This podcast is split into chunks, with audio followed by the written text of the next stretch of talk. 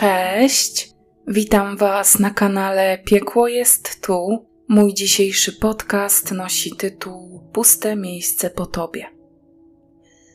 Są takie sprawy, które bolą, smucą i tkwią w głowie dużo bardziej niż inne.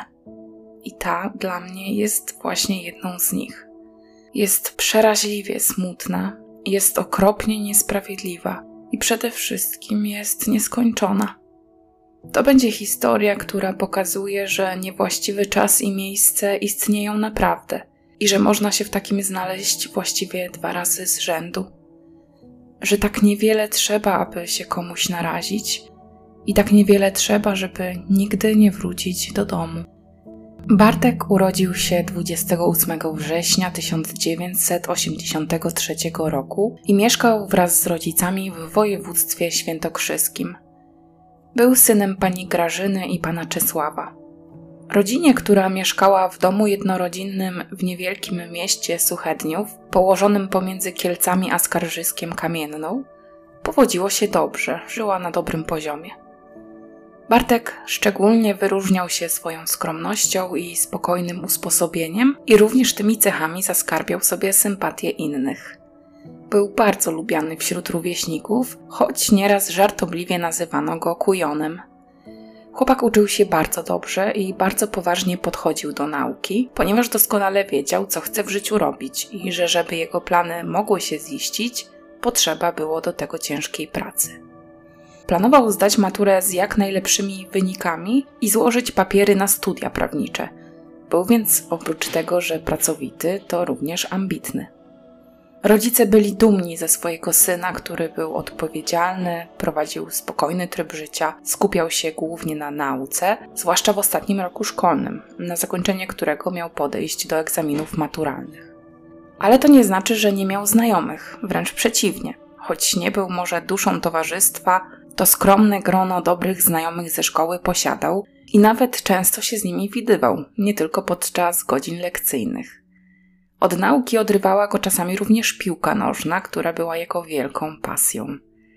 Bartek był oczkiem w głowie swoich rodziców, ale mimo ogromnej troski o niego, nie ograniczali oni jego wolności. Mieli do swojego syna bardzo duże zaufanie, zwłaszcza dlatego, że Bartek był przede wszystkim słowny i miał bardzo poważne i dojrzałe podejście do życia, i można było również na nim polegać. Miał zresztą bardzo dobry kontakt z rodzicami. Ich relacje były naprawdę bliskie, ciepłe i dobre. W roku szkolnym 2001-2002 Bartek przykładał się do nauki jeszcze bardziej niż zwykle, bo to właśnie był ostatni rok nauki w szkole średniej i rok, który miał się zakończyć najważniejszym egzaminem, od którego zależała jego przyszłość.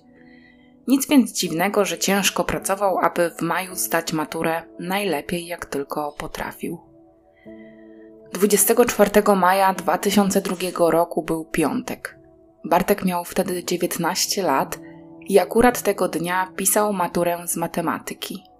Zanim była już też matura z języka polskiego. Do domu wrócił około południa. Był zadowolony z tego, jak poszedł mu egzamin. Zdecydowanie dopisywał mu tego dnia humor. Przed nim zostały już tylko matury ustne, ale do tych miał przystąpić dopiero po weekendzie. Bez wątpienia do tych egzaminów, które zostały mu jeszcze do zaliczenia, między innymi z angielskiego, który chłopak znał świetnie, był on doskonale przygotowany. Świadczyły o tym nie tylko dotychczasowo otrzymywane w szkole stopnie, ale też jego spokojne podejście. Bardziej egzaminami stresowali się jego rodzice niż on sam. Tego wieczoru Bartek umówił się ze znajomymi.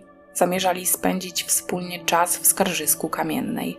Zanim jednak wybrał się na to spotkanie, spędził bardzo miły czas z rodziną, która tego dnia przygotowywała grilla w przydomowej altance. Chłopak przybywał wraz z rodzicami do około godziny 19. Tuż po zjedzeniu kolacji zdecydował się ruszyć na umówione spotkanie. Żeby jednak dotrzeć na miejsce, poprosił rodziców o użyczenie mu samochodu. Ze znajomymi dogadał się tak, że on będzie kierowcą, żeby inni mogli na tym spotkaniu spożywać alkohol. Nie miała to być jakaś huczna impreza, raczej luźne spotkanie, podczas którego maturzyści zamierzali omówić to, jakim poszło na przeszłych egzaminach, czy porozmawiać o planach na przyszłość. Plan był taki, że to Bartek po każdego zajedzie i później każdego odwiezie do domu. W gronie znajomych było dwóch kolegów i dwie koleżanki. Rodzice chłopaka nie mieli nic przeciwko temu, aby dać synowi kluczyki do auta. Ciemnoczerwona Honda Civic, którą rodzice nastolatka całkiem świeżo nabyli, wieczorem 24 maja 2002 roku ruszyła w kierunku skarżyska. Nastolatek zadeklarował, że w domu zjawi się nie później niż o północy. Nie było powodów, aby w tej kwestii synowi nie zaufać. Nigdy nie zawiódł swoich bliskich, a jeśli miał się spóźnić albo zostać gdzieś dłużej, zawsze informował o tym telefonicznie. Bez problemu więc rodzice położyli się spać zgodnie ze swoją cowieczorną rutyną, nie czekając na powrót syna. Tego wieczoru, czyli 24 maja 2002 roku, zarówno samochód, jak i Bartek byli przez państwo M widziani po raz ostatni. Mama Bartka obudziła się 25 maja 2002 roku tuż przed godziną trzecią nad ranem. Postanowiła zajrzeć do pokoju syna i wtedy zauważyła, że nie ma go w domu i nie było żadnych śladów jego obecności, odkąd wyszedł na to spotkanie z kolegami. Wskazywał na to przede wszystkim fakt, że jego łóżko wciąż nie było pościelone, więc na pewno chłopak w nim tej nocy nie spał. Zanim pani Grażyna obudziła męża, aby podzielić się z nim swoimi spostrzeżeniami, poczuła dziwny niepokój. Matczyna intuicja podpowiadała jej, że mogło zdarzyć się coś złego. Przecież była pewna, że Bartek, gdyby zamierzał zostać dłużej w mieście, to powiadomiłby o tym swoich rodziców. Tymczasem na ich telefonach próżno było szukać jakiejkolwiek wiadomości od syna. Niepokój narastał, zwłaszcza, że jego telefon nie reagował na żadne z połączeń, które wykonali. Chyba przez kilka połączeń był sygnał, ale później urwał się całkowicie, tak jakby albo rozładowała się bateria w komórce, albo ktoś ją po prostu wyłączył. Oczywiście małżeństwo do samego rana nie zmrużyło już oka, oczekując aż zacznie świtać, z nadzieją, że Bartek do tego czasu wróci. Ale kiedy nadszedł poranek, a ich syn wciąż nie stanął w drzwiach swojego domu, postanowili nie czekać już dłużej i rozpaczliwe poszukiwania rozpoczęli od razu. Pierwsze, co przyszło im na myśl, to obdzwonienie tych znajomych, w których towarzystwie Bartek miał spędzić poprzedni wieczór. Wszyscy jednak zgodnie twierdzili, że chłopak odwiózł każdego do domu i wybrał się w drogę powrotną do Suchedniowa, tam gdzie znajdował się jego dom ale nie dojechał, coś więc musiało się stać. Rodzice postanowili więc ruszyć ulicami miasta, aby rozejrzeć się, czy na drodze, czy też przy drodze nie widać ciemnoczerwonego samochodu, którym poruszał się ich syn. Mieli nadzieję, że może doszło do jakiejś kolizji i chłopak bał się wrócić do domu, przerażony konsekwencjami. Końcu samochód był niemalże nowy. Mógł obawiać się tego, że rodzice będą się po prostu złościć i dojdzie do jakiejś awantury. Może potrzebował ochłonąć, zastanowić się co dalej. Może doszło do wypadku, w wyniku którego nastolatek doznał urazu głowy i stracił pamięć, i tym samym nie wiedział, kim jest, gdzie jest, był zdezorientowany i oszołomiony. Rodzice chłopaka próbowali tłumaczyć sobie jego nieobecność na przeróżne sposoby, zawsze choć odrobinę bardziej pozytywne niż fakt, że Bartka mogliby już nigdy więcej nie zobaczyć. Z całą pewnością jednak udało się ustalić, że chłopak w momencie zniknięcia nie był pod wpływem alkoholu. Tego wieczoru pili wyłącznie jego znajomi. Naturalnie zatem rodzice nie odnaleźli syna na izbie wytrzeźwień. Nie było go także w żadnym szpitalu. Nie pozostało im nic innego, jak zgłosić zaginięcie syna na policję.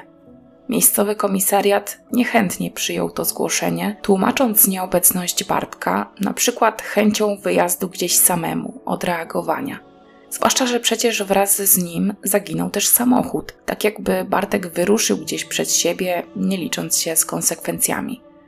Wydawało się więc, że nastolatek chciał przeżyć przygodę życia, wyruszając gdzieś autem rodziców w świat. Wyszaleje się, to wróci. Jak to często w podobnych sytuacjach policjanci mówią zrozpaczonym rodzicom zaginionych nastolatków. Ale minął weekend, nadszedł poniedziałek, czas ustnej matury, a Bartek nie pojawił się w domu. Wtedy, choć już w noc zaginięcia syna państwo M przeczuwali, że doszło do tragedii, nadzieja, że chłopak zniknął z własnej woli i niebawem się odnajdzie cały i zdrowy, zgasła. Nie ominąłby przecież terminu, w którym miał zdawać jeden z najważniejszych egzaminów, który miał wpływ na spełnienie się jego planów na przyszłość. Państwo M nie czekali z założonymi rękami. Zaczęli rozwieszać plakaty informujące o zaginięciu ich syna. Pytali ludzi, konsultowali się z sąsiadami, ze znajomymi. Potrzebowali nadziei, że ich syn jeszcze może bezpiecznie wrócić do domu, choć ojcowskie serce jako pierwsze wyczuło, że Bartek już nie wróci. Pan Czesław krótko po zaginięciu syna powiedział do swojej żony: Czuję, że on nie żyje. Ktoś zrobił mu krzywdę, zabili go. Mam tylko nadzieję, że przy tym nie cierpiał. Policjanci po upływie czasu też skłaniali się ku tej hipotezie, choć początkowo byli bardziej optymistyczni niż rodzice zaginionego chłopaka. Przypuszczali może, że został porwany, może jeszcze żyje, ale gdzieś jest przetrzymywany. Czekali więc, aż państwo M otrzymają telefon od porywacza w sprawie okupu. Do tego jednak nie doszło. Doszło natomiast do przesłuchania znajomych Bartka, którzy prawdopodobnie widzieli go jako ostatni. Każda z osób obecna 24 maja 2002 roku na spotkaniu towarzyskim, gdzie przebywał również zaginiony, zeznała, że chłopak nie zachowywał się podejrzanie. Był taki jak zawsze, normalny, wesoły, ale spokojny. W czasie ich spotkania też nie wydarzyło się nic dziwnego, nic niepokojącego. Każdy został zgodnie z wcześniejszą umową odwieziony przez nastolatka do domu, a później on sam ruszył w swoją stronę. Policjanci nie mieli więc żadnego punktu zaczepienia. W desperacji państwo M wynajęli detektywa, pana Rutkowskiego. Był wówczas bardzo popularny, choć nie tani, ale wierzyli w jego skuteczność. Ale on, choć zrobił wokół sprawy sporo szumu, to nie dotarł do żadnych cennych informacji, a więc ich współpraca z nim niebawem dobiegła końca. W następnej kolejności padło na jasnowidza, pana Jackowskiego – ten w swojej wizji zobaczył Bartka w towarzystwie trzech mężczyzn. Chłopak miał zginąć właśnie z ich rąk. Do śmierci miało dojść w wyniku okrutnego pobicia, a jego ciało miało zostać porzucone albo w jeziorze znajdującym się niedaleko miejsca zamieszkania Bartka, albo gdzieś w przydrożnych krzakach. Z mapką otrzymaną od jasnowidza rodzice Bartka ruszyli na policję. Poszukiwania odbywały się w miejscach, które pan Krzysztof wskazał, ale nie odnaleziono niczego, choćby najmniejszego śladu, dzięki któremu śledztwo mogło postępować. Informacja o zaginionym Bartku pojawiła się też w programie Magazyn Kryminalny 997. Prowadzący apelował o informacje o chłopaku do osób, które znałyby miejsce jego pobytu albo wiedziały, co mu się przytrafiło programie obok prowadzącego pojawili się również rodzice chłopaka, którzy zwracając się prosto do kamery, prosili o to samo co prowadzący oraz swojego zaginionego syna, gdyby żył, o znak tego życia i powrót do domu. Obecny w studiu był także śledczy, który zajmował się sprawą tego zaginięcia. Zdradził na antenie, że policjantom nie udało się dotychczas nic w tej sprawie ustalić. Niestety, emisja programu także nie wniosła nic nowego do śledztwa. Nie zgłosił się nikt, kto miałby choćby najmniejszą wskazówkę. Z wyjątkiem jednego, dość obiecującego telefonu. Człowiek dzwoniący bezpośrednio do rodziców zaginionego obiecał, że zdradzi im cenne informacje za odpowiednią opłatą. Żądał, w zależności od źródeł, albo 10 tysięcy złotych, albo 100 tysięcy złotych. W wyniku negocjacji udało się cenę zbić do 25 tysięcy złotych. Ale okazało się, że był to zwykły naciągacz, który próbował osiągnąć korzyść materialną na cudzej krzywdzie, wiedząc, że w desperacji człowiek jest w stanie naprawdę wiele oddać za jakiekolwiek informacje. Latem 2002 roku do uszu rodziców Bartka doszła wiadomość o odbywających się w Korei Południowej i w Japonii Mistrzostwach Świata w piłce nożnej. Na moment w ich sercu pojawiła się iskierka nadziei. Bartek przecież kochał ten sport. Może wyjechał do Azji, żeby spełnić swoje marzenie i uczestniczyć w tak ważnym wydarzeniu? Ale nadzieja szybko zgasła. Bartek nie wziął ze sobą paszportu. Nie było nawet szansy na to, aby udało mu się przekroczyć granicę. Zresztą mniej więcej w tym samym czasie na plaży w Sopocie odnaleziono dowód osobisty Bartka. Był częściowo spalony. Pojawił się jeszcze jeden telefon. Tym razem na komendę policji w Skarżysku Kamiennej zadzwoniła kobieta. Podała rysopis i dane mężczyzny oraz jego adres, i mężczyzna ten, według niej, mógł maczać palce w sprawie zaginięcia Bartka. Policjanci jednak zlekceważyli te informacje. Dlaczego? Nie wiadomo. Jakie to miało konsekwencje dla śledztwa, w dalszej części historii o tym wspomnę. Długo w tej sprawie panowała cisza, choć rodzice nie poddawali się i co i róż przypominali o swojej stracie. A to policjantom, a to reporterom. Poszukiwali jakiejkolwiek drogi dojścia do prawdy. Co jakiś czas dzwonili do nich kolejni ludzie, głównie mężczyźni, chcący wyłudzić pieniądze za jakieś informacje. Policjanci konsekwentnie demaskowali takich naciągaczy. Nie sprawdziła się też informacja o miejscu, które ktoś przez telefon podał całkowicie bezinteresownie jako miejsce zakopania ciała Bartka. Śledczy prowadzili tam poszukiwania, ale bez efektu. Lata leciały, a w sprawie zaginięcia chłopaka nic się nie zmieniało. Tylko rodzice, wciąż niepogodzeni z sytuacją, walczyli o ujawnienie prawdy. I w końcu stało się to, na co tak długo czekali. Nagle, w wyniku totalnego przypadku, już niemal trzy lata po zaginięciu nastolatka, bo dopiero na początku 2005 roku pojawił się nowy, naprawdę obiecujący trop. W jakiejś innej sprawie został zatrzymany pewien mężczyzna o imieniu Zbigniew. Był to już dojrzały mężczyzna, miał około 50 lat. Naturalnie był kryminalistą i jakąś ważną personą w grupie przestępczej, którą udało się akurat rozbić i zatrzymać podczas jej kolejnych napadów. Zbigniew w ramach ugody, chcąc ugrać łagodniejszy wyrok, zgodził się udzielić policjantom informacji na temat zaginionego przed trzema laty maturzysty z Suchedniowa. W taki sposób w końcu udało się złapać jakikolwiek trop, a tak właściwie to można powiedzieć, że był to pierwszy prawdziwy przełom w sprawie. Zbigniew rzucił podejrzenia w kierunku swojego siostrzeńca. Podobno to on wraz z kolegami miał Bartka spotkać w nocy 24 maja 2002 roku. Doszło niestety do tragedii. Zbigniew miał w tym swój mały udział, bo to dzięki niemu młodzi mężczyźni wtedy, a nawet chłopaki, bo jeden z nich nie miał jeszcze ukończonych 18 lat, ale do tego przejdziemy za chwilę, mieli pozbyć się bez śladu bordowej Hondy, którą poruszał się Bartek. Problem był jednak w tym, że Łukasz, czyli siostrzeniec Zbigniewa, od dwóch lat już nie żył. Zmarł w wyniku zatrucia tlenkiem węgla we własnym mieszkaniu. Doszło do tego niemal dokładnie rok po tym, jak Bartek zniknął bez śladu. Ale żyło jeszcze pozostałych trzech mężczyzn, którzy brali udział w tych tragicznych wydarzeniach, i to całkiem sprawnie udało się śledczym do nich dotrzeć. I tutaj muszę wspomnieć, że ten telefon, który został wykonany na komendę policji w Skarżysku Kamiennej przez kobietę, był tutaj bardzo znaczący, ponieważ ona podała dane jednego z tych mężczyzn. Okazało się, że zarówno Łukasz, jak i pozostali jego koledzy byli już karani. Jeden z nich, Marcin, w chwili, kiedy śledczy dotarli do niego, odbywał karę więzienia za bójkę przy użyciu noża.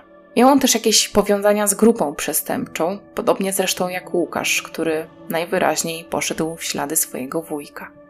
Wyszło też na jaw, że ich powiązanie z zaginięciem Bartka jest bardzo prawdopodobne, dlatego że młodzi mężczyźni nie ukrywali w swoim środowisku tego, czego się dopuścili, i być może stąd ta kobieta wiedziała, że jeden z tych mężczyzn mógł być zamieszany w tą sprawę. Dodatkowo okazało się też, że mniej więcej w czasie zaginięcia maturzysty z Suchedniowa wszyscy czterej byli nad morzem, w Sopocie, tam gdzie odnaleziono nadpalony dowód osobisty Bartka. Udało się to ustalić za pomocą billingów. Udało się też dotrzeć do telefonu Bartka, który odnalazł się gdzieś w okolicy Mazur. Na tej trasie właśnie poruszali się podejrzani w sprawie tego zaginięcia – Przysłowiowym gwoździem do trumny był jednak podsłuch, który podrzucono jednemu z podejrzanych. Z jego rozmowy dało się wywnioskować, że trop podjęty przez śledczych jest jak najbardziej właściwy.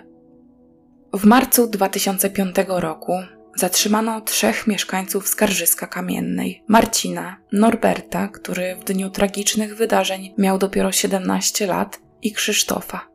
W chwili zatrzymania każdy z nich miał ledwie nieco ponad 20 lat, ale tylko jeden z nich pękł i przyznał się do winy oraz częściowo zdradził, co wydarzyło się 24 maja 2002 roku.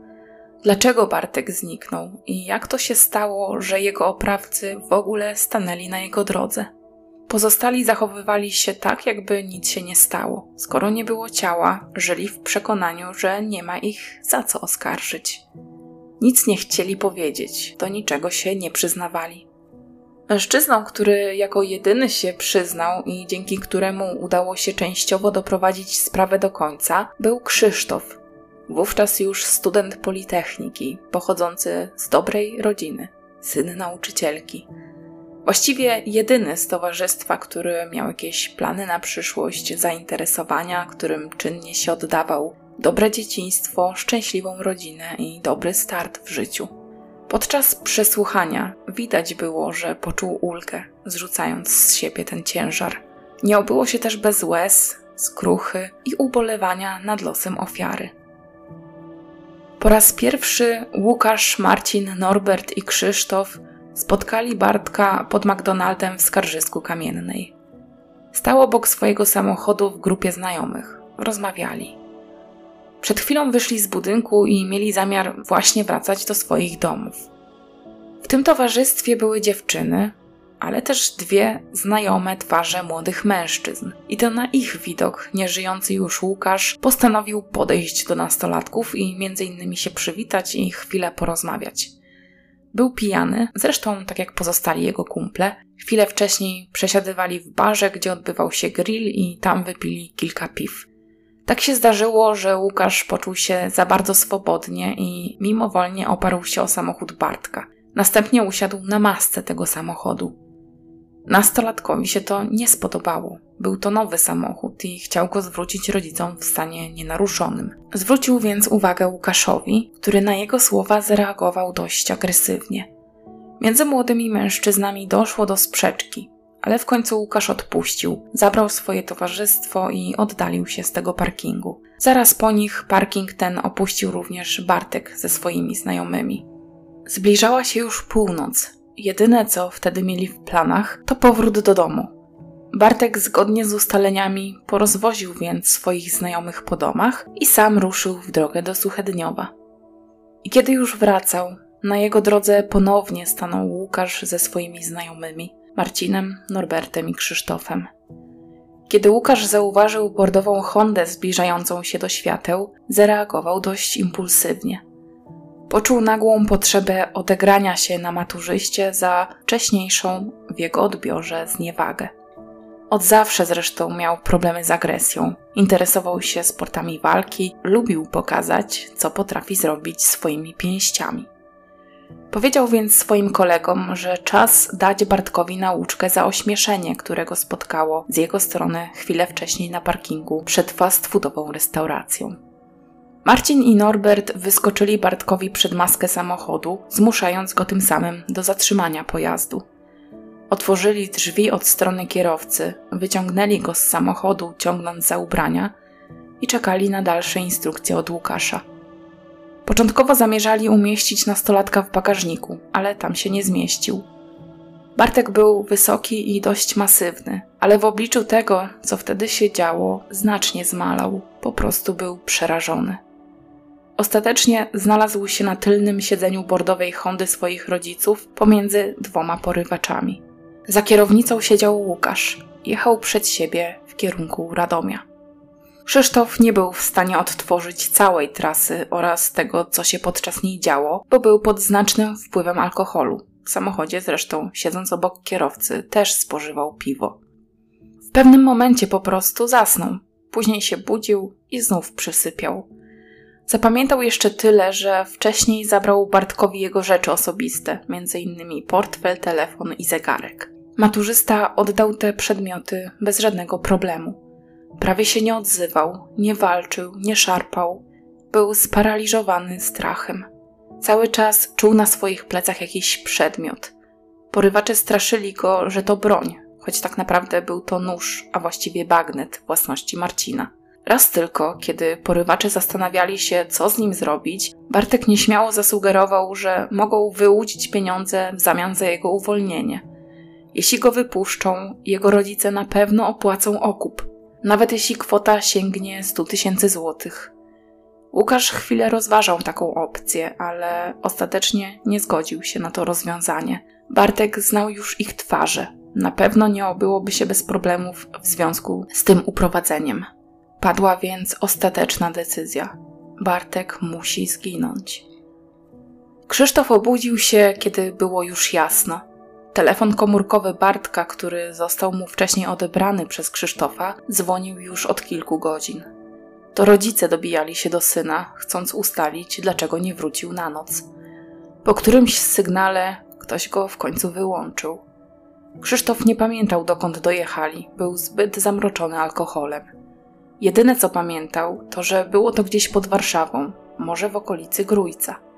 Jechali tam drogą krajową numer 7. Co róż przysypiał na trasie, ale nagle ktoś go obudził i kazał mu wysiąść, bo Bartka trzeba zabić. Było to na jakiejś leśnej ścieżce. Jeszcze zanim wysiadł z auta, słyszał przeraźliwy krzyk. Bartek był już mocno ranny, zwłaszcza krwawiła rana na szyi, ale miał też inne rany, między innymi na plecach. Krzysztof dostał do ręki pokryty krwią kamień i kazano mu uderzać w głowę ofiary. Łukasz mówił, że każdy z nich ma to zrobić, bo każdy z nich w tym siedzi. Łukasz zaczął jako pierwszy.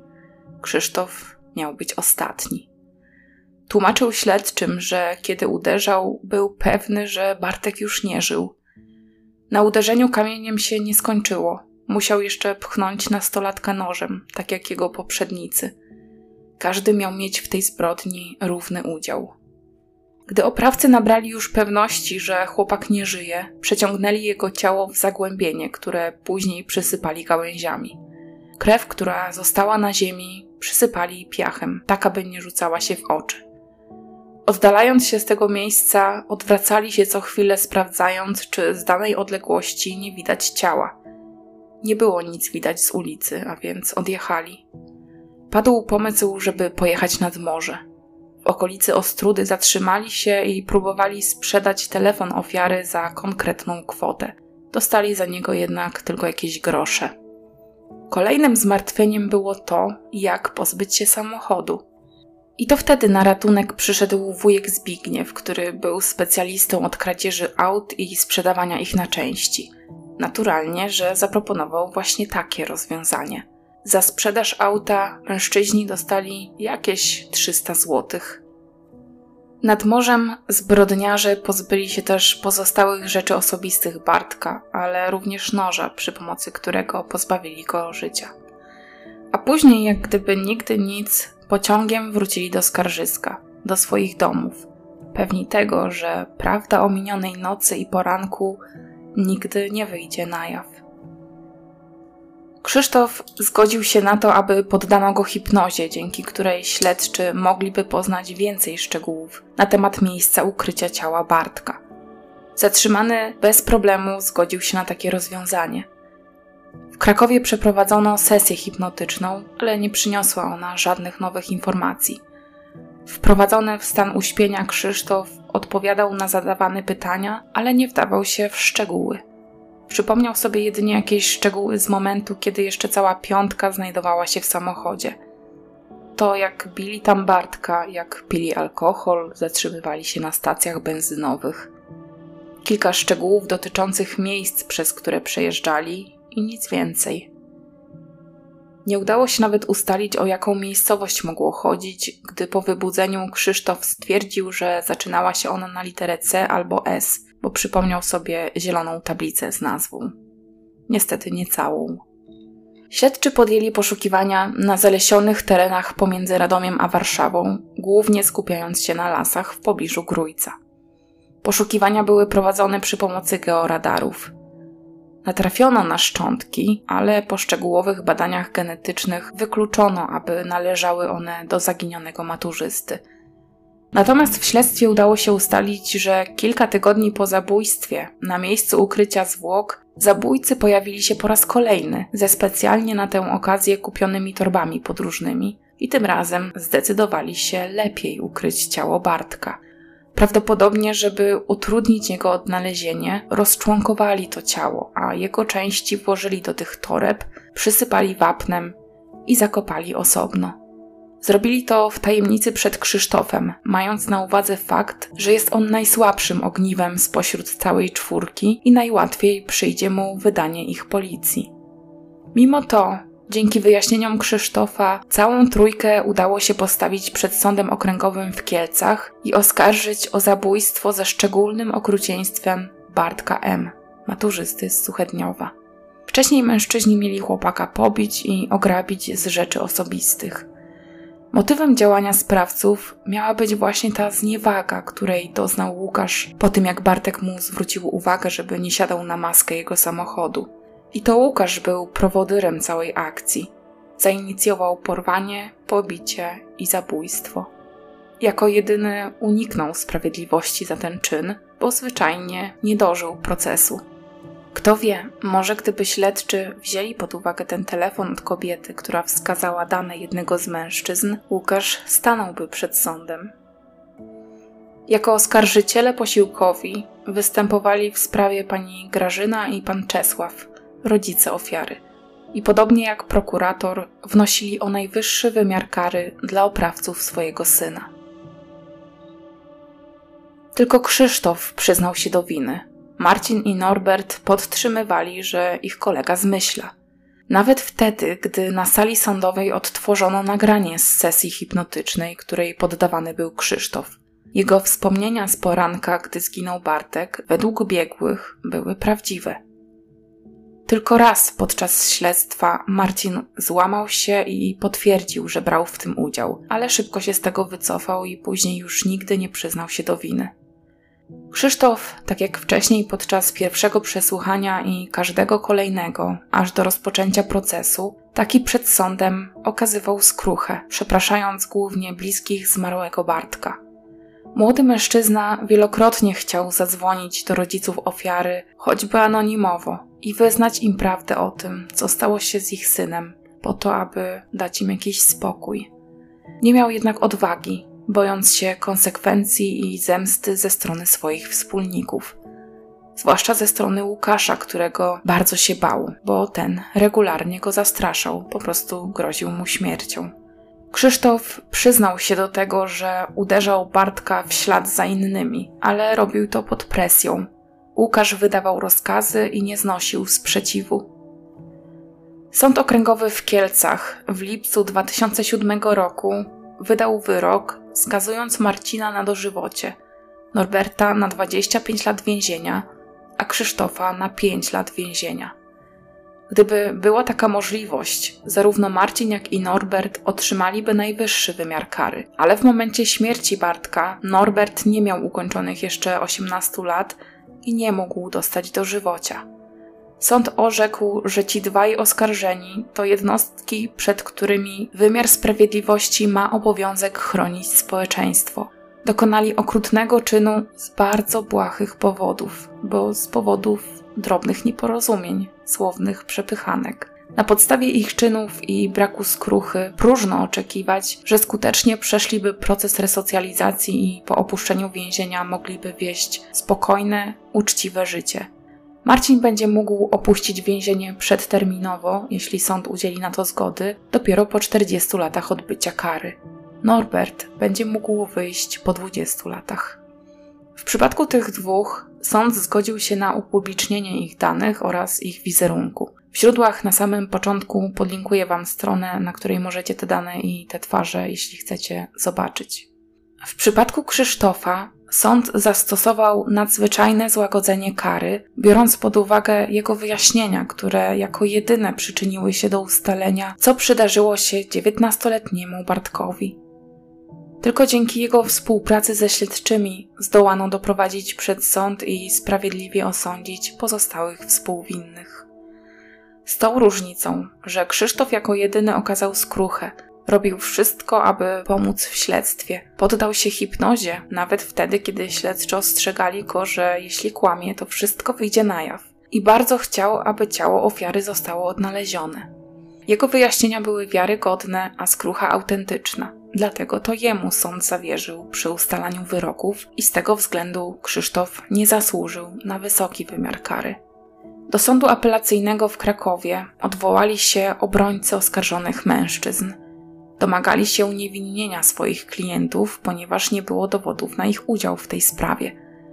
Sąd apelacyjny w 2008 roku poniekąd przyznał im rację, biorąc pod uwagę fakt, że każda wątpliwość powinna być rozstrzygana na korzyść oskarżonych i przekazał sprawę do ponownego rozpatrzenia do Sądu Okręgowego w Kielcach, a ten miał rozstrzygnąć, kto zadał chłopakowi śmiertelny cios i czy w chwili, kiedy te ciosy zadawali Bartkowi oskarżeni, chłopak jeszcze żył, czy może był już martwy. Drugi proces ruszył w 2009 roku. Ciała Bartka jednak wciąż nie odnaleziono. Jaki więc mógł zapaść wyrok bez sekcji zwłok, bez wiedzy, ile tych ciosów było? Wciąż nie było możliwości ustalenia, czy Bartek żył, kiedy jego oprawcy, którzy trafili przed sąd, zadawali swoje uderzenia. W powtórnym procesie jako świadek zeznawał Zbigniew, wujek Łukasza, który jako pierwszy rzucił śledczym trop. Mężczyzna zeznał to, co już wspomniałam wcześniej, że pomagał Łukaszowi i jego dwóm kolegom w przenoszeniu ciała w inne miejsce. Właściwie on w tym nie uczestniczył, a jedynie przywiózł ich na miejsce i czekał, aż zrobią to, co zamierzali.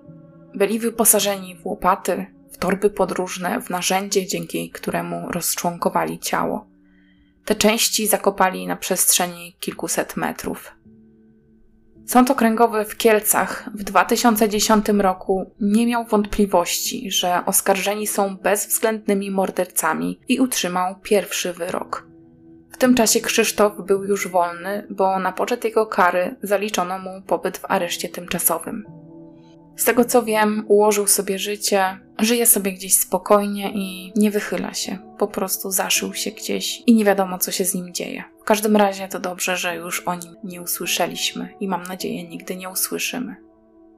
Sprawa po raz drugi trafiła do sądu apelacyjnego w Krakowie, a sąd apelacyjny w Krakowie znowu rozstrzygnął wątpliwości na korzyść oskarżonych i przekazał sprawę znowu do sądu okręgowego w Kielcach tym razem wnioskując o dokładne ustalenie, kto jaką rolę odgrywał w tych wydarzeniach. Krzysztof odpowiadał wtedy z wolnej stopy. W 2013 roku ruszył kolejny proces. Biegli zdecydowali, że należy wszcząć ponowne poszukiwanie ciała chłopaka w tych miejscach, które wcześniej prokuratura wyznaczyła, a w których wówczas poszukiwania się nie powiodły. Tym razem do poszukiwań zalecono użyć sondy oraz specjalnych koparek, które mają takie te łyżki, które nie będą za bardzo uszkadzać ziemi. Biegli uznali, że ciało Bartka jest możliwe do odnalezienia, ale nie przy pomocy georadaru, tak jak robiono to wcześniej. Sonda miała za zadanie wykazać, czy w ziemi zakopane są jakieś metalowe przedmioty, np. narzędzie zbrodni, co miało znacznie ułatwić pracę. Poszukiwania oczywiście wznowiono, ale one też nie przyniosły żadnych efektów. Ciało Bartka się nie odnalazło. Bez żadnych przełomów w sprawie, bez zwrotów akcji i wyjaśnienia niejasności, pod koniec 2013 roku zapadł trzeci już wyrok, a właściwie to wyroki. Również zostały podtrzymane. Marcin otrzymał dożywocie, Norbert 25 lat, a Krzysztof 5.